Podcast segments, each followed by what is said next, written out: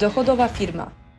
Podcast dedykowany przedsiębiorcom szukającym sprawdzonych strategii w biznesie, które pozwolą im zwiększyć dochody z wykorzystaniem najnowszych trendów i narzędzi na rynku.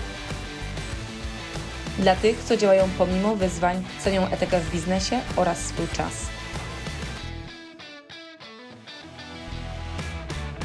Jako właściciel firmy poświęcasz dużą ilość czasu na tworzenie treści w internecie po to, aby zmienić wyniki firmy,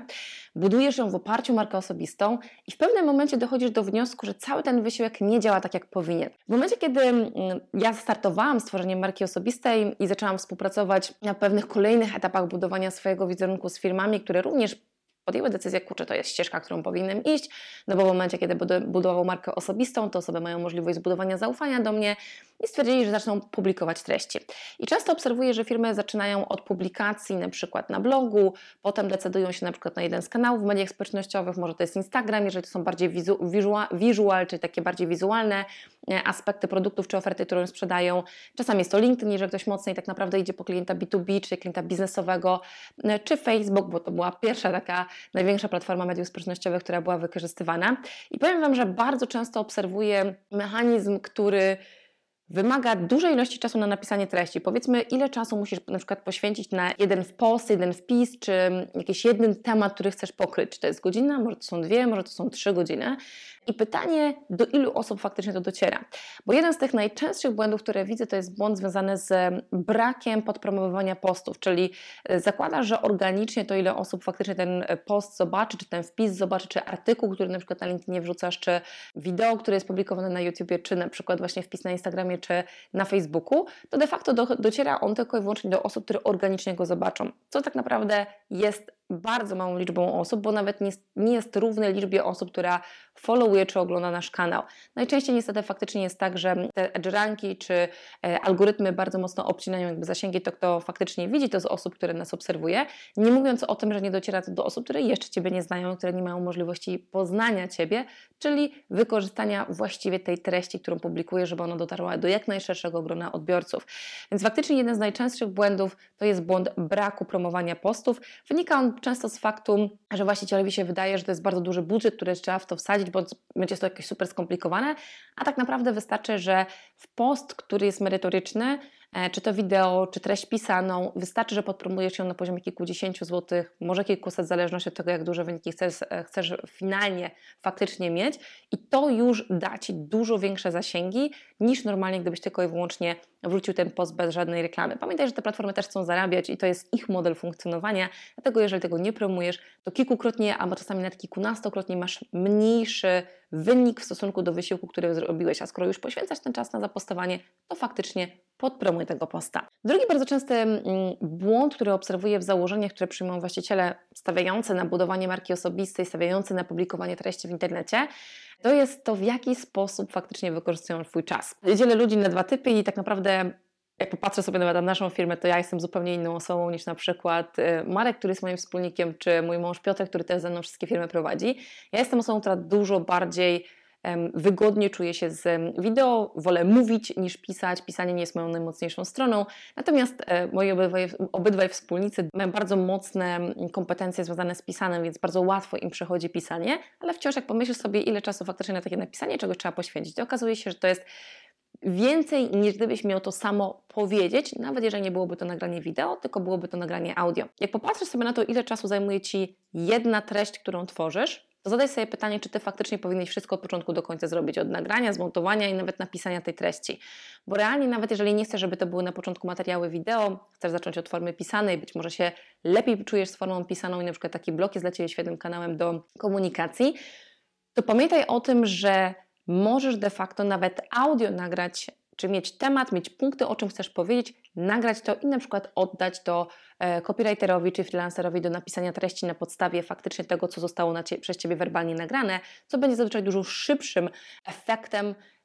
czas do wyniku, tak? Ponieważ jeżeli na przykład w 15 minut coś nagrasz, co potem ktoś na przykład godzinę czy dwie godziny obrobi, to Ty zaoszczędziłeś ponad półtorej godziny, bo w 15 minut zostało to nagrane z wcześniejszym przemyśleniem, co tam faktycznie powinno się znaleźć. Tak więc druga rzecz, która najczęściej jest tym takim mm, błędem, który popełniamy, to to, że uważam, że nikt tego tak dobrze nie napisze jak ja. Pamiętaj, że nawet jeżeli zlecasz to komuś, to po prostu na początku poproś o próbne teksty takich freelancerów, żebyś wybrał osobę, która będzie czuła Ciebie, będzie czuła Twoją narrację, Twój temat i która będzie potrafiła bardzo fajnie przełożyć Twoją treść werbalną na treść pisaną. Trzeci najczęstszy błąd, który obserwuję wśród właścicieli, którzy stawiają na budowanie marki osobistej i publikację treści, to jest to, w jaki sposób faktycznie, bo pamiętaj, jak powiedziałam w pierwszej rzeczy, o której mówiłam w poprzednich krokach, to mówiłam o tym, że ważne jest podpromowywanie Twoich treści. I w momencie, kiedy podpromowujesz Twoje treści, czyli inwestujesz budżet w to, żeby więcej osób faktycznie zobaczyło, czy to Twoje wideo, czy Twój tekst, to powinieneś w kontach reklamowych, czy to jeżeli ustawiasz to Ty, czy ktoś z Twojego zespołu, czy agencja reklamowa, która to dla Ciebie robi, to zawsze powinieneś mieć otagowane właściwie listy. Czyli powinna w koncie reklamowym być informacja, ile danej, czyli lista osób, które pierwszy raz widzą Twoje wideo i na przykład w momencie, kiedy widzisz osoby, które dostają wideo, które jest takim na poziomie tak zwanego budowania dopiero pierwszego zaufania z tym klientem,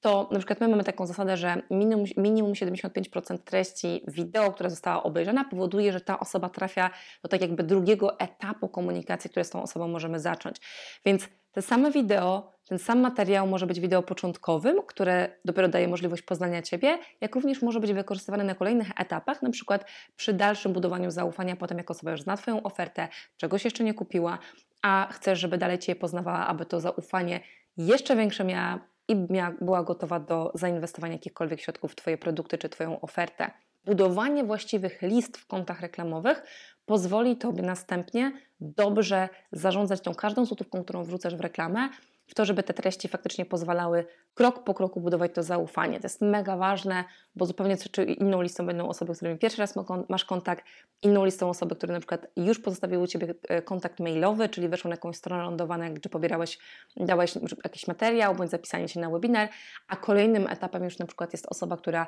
miała okazję na przykład podczas webinaru zapoznać się z Twoją ofertą, ale nie kupiła, której dalej możesz podpromowywać wartościowe treści, które dalej budują zaufanie z Twoją marką osobistą. Czwarty najczęstszy błąd, który widzę właśnie wśród osób, które już inwestują swój czas, czasami kilka godzin, może kilkanaście nawet godzin w ciągu tygodnia na budowanie treści i budowanie tej, tego całego wizerunku marki osobistej i przez to budowania e, całego swojego brandu, jest fakt braku przemyślanego procesu co się dzieje po etapie pierwszego kontaktu na mediach społecznościowych. Jeżeli na przykład publikujesz treści na temat, powiedzmy,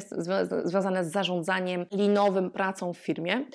to możesz tak naprawdę oczekiwać, że ta osoba do Ciebie napisze na mediach społecznościowych i zapyta się o możliwość współpracy z Tobą i jakiś procent osób to wykona, ale to będzie na przykład bardzo mały procent w stosunku do tego potencjału, który mógłbyś wykorzystać. Więc tak jak w procesie budowania relacji damsko-męskich czy relacji partnerskich, tak samo w procesie mm, pozyskiwania klienta ty potrzebujesz mieć wcześniej przemyślane to, gdzie tego klienta dalej chcesz zabrać. Czyli jeżeli on poznał Twoje treści, to w kolejnym kroku powinieneś mieć możliwość pobrania kontaktu, następnie możliwość kupna pierwszego produktu, który najlepiej, żeby był tani na tym etapie, zanim poprosisz o um, wydanie większych pieniędzy na coś dużo droższego w Twoim asortymencie, który masz w ofercie. Więc w momencie, kiedy nie masz tej ścieżki zaplanowanej i proaktywnie nie zabierasz tego, tej osoby w podróż na kolejne strony lądowania i kolejne etapy kontaktu z Twoją marką, to faktycznie wykorzystujesz tylko kilka procent potencjału, który znajduje się